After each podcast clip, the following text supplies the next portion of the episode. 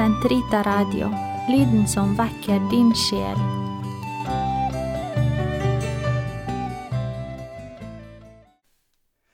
Vi fortsetter vår opplesning av Den katolske kirkes katekisme, kompendiet. Vi er kommet til første del, annet avsnitt og annet kapittel. Jeg tror på Jesus Kristus, Guds enbårne Sønn. Hva er det glade budskap til menneskene? Det glade budskap er forkynnelsen av Jesus Kristus, den levende Guds sønn, Matteusevangeliet 16, 16, som døde og oppsto fra de døde. På kong Herodes' og keiser Augustus' tid oppfylte Gud de løfter han hadde gitt Abraham og hans etterkommere, og sendte sin sønn, født av en kvinne og fra sin fødsel selv underlagt loven, for å løskjøpe dem som levde bundet av loven, ja, for å gi oss en plass som sønner. Galaterbrevet kapittel 4 vers 4–5 hvordan blir dette glade budskapet utbredt? Helt fra begynnelsen av hadde de første disiplene et brennende ønske om å forkynne Jesus Kristus for å føre alle til troen på ham. Også i dag driver de troendes kjærlige erkjennelse av Kristus dem til å evangelisere og gi katekese, det vil si å åpenbare hele Guds plan i Jesu Kristi person og føre menneskene til fellesskap med ham. Jeg tror på Jesus Kristus, Hans enbårne Sønn, vår Herre. Hva betyr navnet Jesus? Navnet som ble gitt Jesus ved englenes bebudelse, betyr Gud frelser. Dette navnet uttrykker hans identitet og sendelse, for det er han som skal frelse sitt folk fra deres synder. Matteusevangeliet, kapittel 1, vers 21. Peter forkynte, noe annet navn som vi kan frelses ved, er ikke menneskene gitt på denne jord. Apostelgjerningene 4,12. Hvorfor ble Jesus kalt Kristus? Kristus på gresk og Messias på hebraisk betyr den salvede. Jesus er Kristus fordi han ble vigslet av Gud og vår sin sendelse som frelser er salvet med Den hellige ånd. Han er den Messias som Israel forventet, sendt inn i verden av Faderen. Jesus godtok tittelen Messias, men forklarte dens betydning mer nøyaktig, som er steget ned fra himmelen. Johannes evangeliet 3, 13. Korsfestet og deretter oppstanden er han den lidende Guds tjener, som gir sitt liv som løsepenge for de mange. Matteusevangeliet 20, 28. Fra navnet Kristus kommer ordet kristen. I hvilken mening er Jesus Guds enbårne sønn? Jesus er Guds sønn på en enestående og fullkommen måte. Ved hans håp og forklarelse omtaler Faderens stemme Jesus som min elskede sønn. Jesus betegner seg selv som Sønnen som kjenner Faderen, Matteusevangeliet kapittel 11 vers 27, og bekrefter derved sitt unike og evige forhold til Gud, sin Far.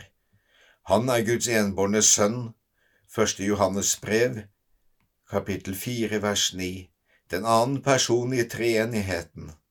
Han er midtpunktet i den apostoliske forkynnelse Apostlene har sett Hans herlighet, Faderens enbårne Sønns herlighet. Se Johannes evangeliet, kapittel 1, vers 14. Hva betyr tittelen Herre? I Bibelen betegner denne tittelen vanligvis den suverene Gud. Jesus gjør selv krav på den og åpenbarer sin guddommelige suverenitet gjennom sin makt over naturen. Demonene synden og døden, og fremfor alt gjennom sin oppstandelse. De første kristne bekjennelsene erklærer at den makt, ære og herlighet som hører Faderen til, også tilkommer Jesus. Gud har skjenket ham det navn som står over alle andre. Filippebrevet, kapittel 2, vers 9. Han er herre over verden og historien, den eneste som mennesket helt må underkaste sin personlige fri. Jesus Kristus, som ble unnfanget ved Den hellige ånd, født av jomfru Maria. Hvorfor er Guds sønn blitt menneske? For oss mennesker og for vår frelses skyld har Guds sønn ved Den hellige ånds virke blir kjød i jomfru Marias skjød. Han ville forsone oss syndere med Gud og forkynne sin uendelige kjærlighet for oss, være vårt forbilde på hellighet og gi oss del i den guddommelige natur. Se 2. Peters brev, kapittel 1, vers 4. Hva betyr ordet inkarnasjon? Inkarnasjon er Kirkens navn på det mysterium at i ordets ene guddommelige person forenes underfullt den guddommelige og den menneskelige natur. For å frelse oss tok Guds sønn opp i seg menneskenaturen og ble menneske av kjøtt og blod. Se Johannes evangeliet kapittel 1 vers 14. Troen på Guds sønns sanne inkarnasjon er et kristendommens særmerke. På hvilken måte er Jesus Kristus sann Gud og sant menneske? Jesus er på uatskillelig vis sann Gud og sant menneske i sin guddommelige personsenhet. Som Guds sønn, født ikke skapt, av samme vesen som Faderen, er han i sannhet blitt menneske, vår bror, uten derved å opphøre å være Gud, vår Herre. Hva lærer konsilet i Kalkdon år 451 i denne sammenheng? Konsilet i Kalkedon lærer oss å bekjenne at vår Herre Jesus Kristus er den ene og sanne Sønn, fullkommen i guddommelighet og fullkommen i menneskelighet, sann Gud og sant menneske, med en fornuftig sjel og et legeme av samme vesen som Faderen med hensyn til guddommelighet, og av samme vesen som oss med hensyn til menneskelighet, i alt lik oss, unntatt i synd, jf. Hebreerbrevet kapittel 4 vers 15. Ifølge sin guddommelighet er han født av Faderen før tidenes opprinnelse.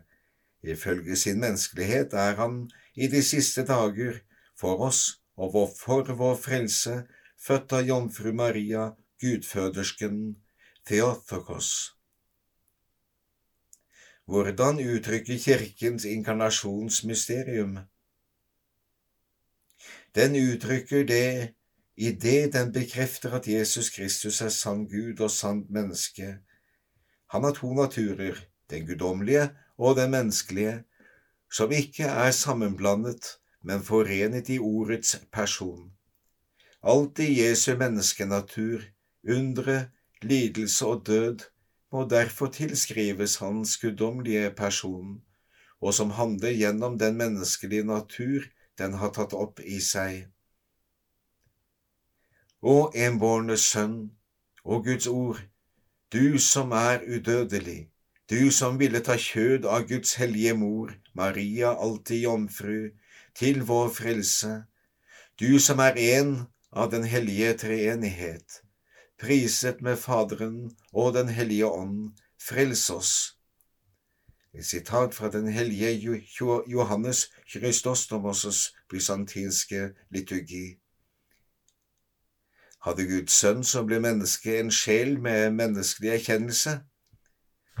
Guds sønn har tatt opp i seg et legeme tilknyttet en sjel med sann menneskelig erkjennelsesevne. Med sin menneskelige forstand har Jesus lært meget gjennom erfaring, men også som menneske hadde Guds sønn et inderlig og umiddelbart kjennskap til Gud, sin far. Han forsto også menneskenes hemmelige tanker og visste fullt og helt om de evige planer han var kommet for å åpenbare. Hvordan stemmer den guddommelige og den menneskelige vilje overens hos Ordet som ble kjød? Jesus har en guddommelig vilje og en menneskelig vilje. Under sitt jordeliv ville Guds sønn som menneske det som han sammen med Faderen og Den hellige ånd hadde besluttet for vår frelse. Kristi menneskelige vilje følger hans guddommelige vilje, uten motstand mot eller i motsetning til den. men heller slik at den er denne allmektige vilje underlagt.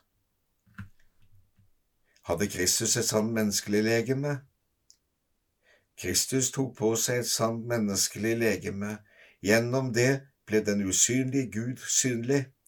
Dette er grunnen til at Kristus kan bli fremstilt på og æret gjennom hellige bilder. Hva betyr Jesu hjerte? Jesus kjente og elsket oss med et menneskelig hjerte. Hans hjerte gjennomboret for vår frelses skyld er symbolet på den uendelige kjærlighet som han elsker Faderen og ethvert menneske med. Hva betyr uttrykket 'unnfanget ved Den hellige ånd'? Det betyr at jomfru Maria har unnfanget den evige Sønn i sitt skjød ved Den hellige ånds kraft, uten en manns medvirkning. Den hellige ånd skal komme over deg, sa engelen ved bebudelsen. Se Lukas evangeliet, kapittel 1, vers 35. Født av jomfru Maria, hvorfor er Maria virkelig Guds mor? Maria er virkelig Guds mor, for hun er Jesu mor. Se Johannes evangeliet, kapittel 2, vers 1, vers 19 og vers 25. For han som hun har unnfanget ved Den hellige ånden, og som virkelig ble hennes sønn, er Guds, Faderens egen sønn. Han er selv Gud. Hva betyr ubesmittet unnfangelse? Gud har ved sin nåde fra evighet av utvalgt Maria til å bli sin sønns mor. For å kunne oppfylle denne sendelsen ble hun ubesmittet unnfanget. Det betyr at Maria gjennom Guds nåde og med henblikk på Jesu Kristi fortjenester helt fra sin unnfangelse er blitt bevart for arvesynden. Hvordan medvirker Maria i den guddommelige frelsesplanen? Ved Guds nåde er Maria forblitt ren for enhver personlig synd livet igjennom. Hun er full av nåde. Se Lukas evangeliet, kapittel 1, vers 28. Den allehellige Panhagia. Når engelen forkynte for henne at hun skal føde den aller høyestes sønn, Se Lukas evangeliet, kapittel 1, vers 32, svarer hun med lydighet og tro. Romerbrevet, kapittel 1, vers 5. Hun gir seg helt og fullt til sin sønn og hans gjerning for helhjertet å gjøre tjeneste for frelsesmysteriet. Hva betyr Jesu jomfruelige unnfangelse? Den betyr at Jesus ble unnfanget i jomfruens skjød ved Den hellige ånds kraft alene, uten en manns medvirkning. Ifølge sin guddommelige natur er han sønn av den himmelske Far, og ifølge sin menneskelige natur Marias sønn. Han er imidlertid virkelig Guds sønn i begge naturer, for han er bare én eneste person, nemlig den guddommelige. I hvilken mening er Maria alltid jomfru? i den mening at hun ble for, forble jomfru da hun unnfanget sin sønn, jomfru da hun fødte ham, jomfru da hun bar ham, jomfru da hun ammet ham, jomfru for alltid, jf. den hellige Augustin. Når det i evangeliene er tale om Jesu brødre og søstre, dreier det seg derfor om en vanlig uttrykksform for Jesu nære slektninger i Den hellige skrift. På hvilken måte er Marias åndelige moderlighet universell? Maria har én en eneste sønn, Jesus, men i, ham strekker hennes åndelige moderlighet seg ut til alle mennesker. Han er kommet for å frelse. Lydig ved Jesu Kristi den nye Adams side er jomfruen, den nye Eva, de levendes sanne mor. Ved deres fødsel og oppdragelse medvirker hun med moderlig kjærlighet innenfor nådens ordning. Som jomfru og mor er hun bildet på den fullkomne virkeliggjørelse av Kirken.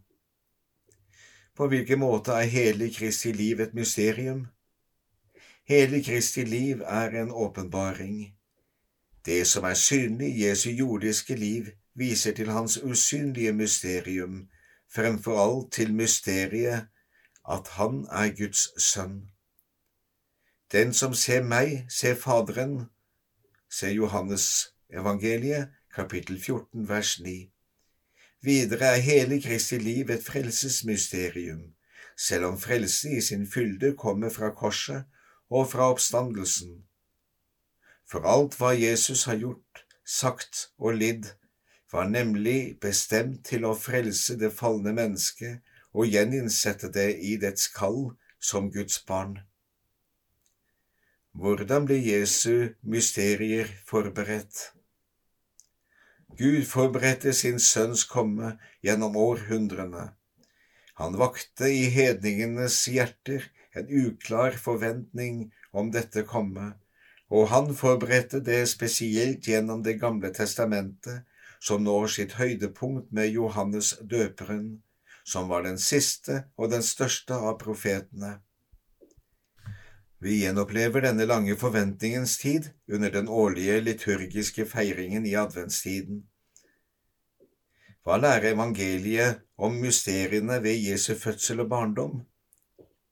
I julen åpenbarer himmelens herlighet seg i et spedbarns svakhet. Jesu omskjærelse er et tegn på hans tilhørighet til de jødiske folk og et forvarsel om vår dåp.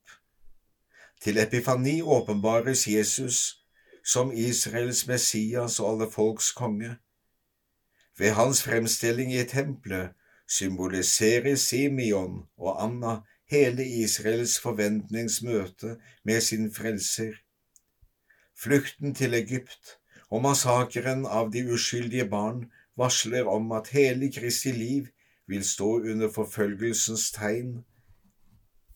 Hans Tilbakekomst vitner om utferden fra Egypt og fremstiller Jesus som den nye Moses. Han er den sanne og endelige frigjører. Hva kan vi lære av Jesus skjulte liv i Nasaret?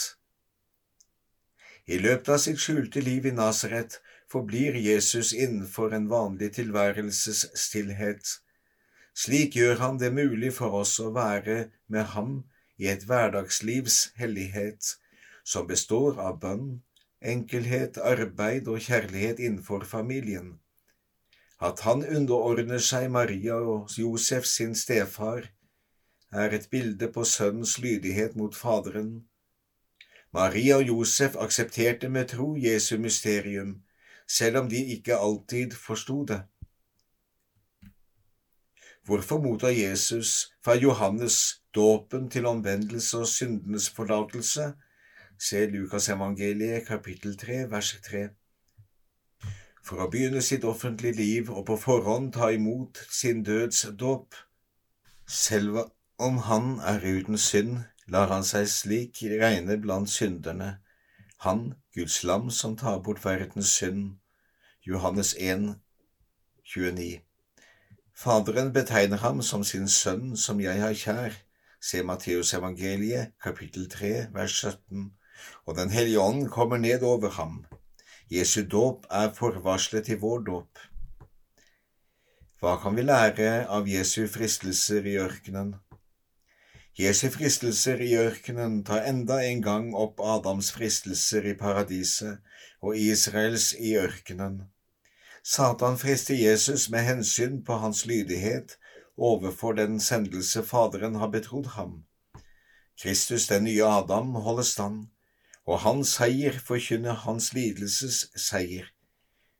Den høyeste lydighetsbevis på hans sønnekjærlighet. Kirken forener seg med dette mysterium, særlig i den liturgiske fastetid.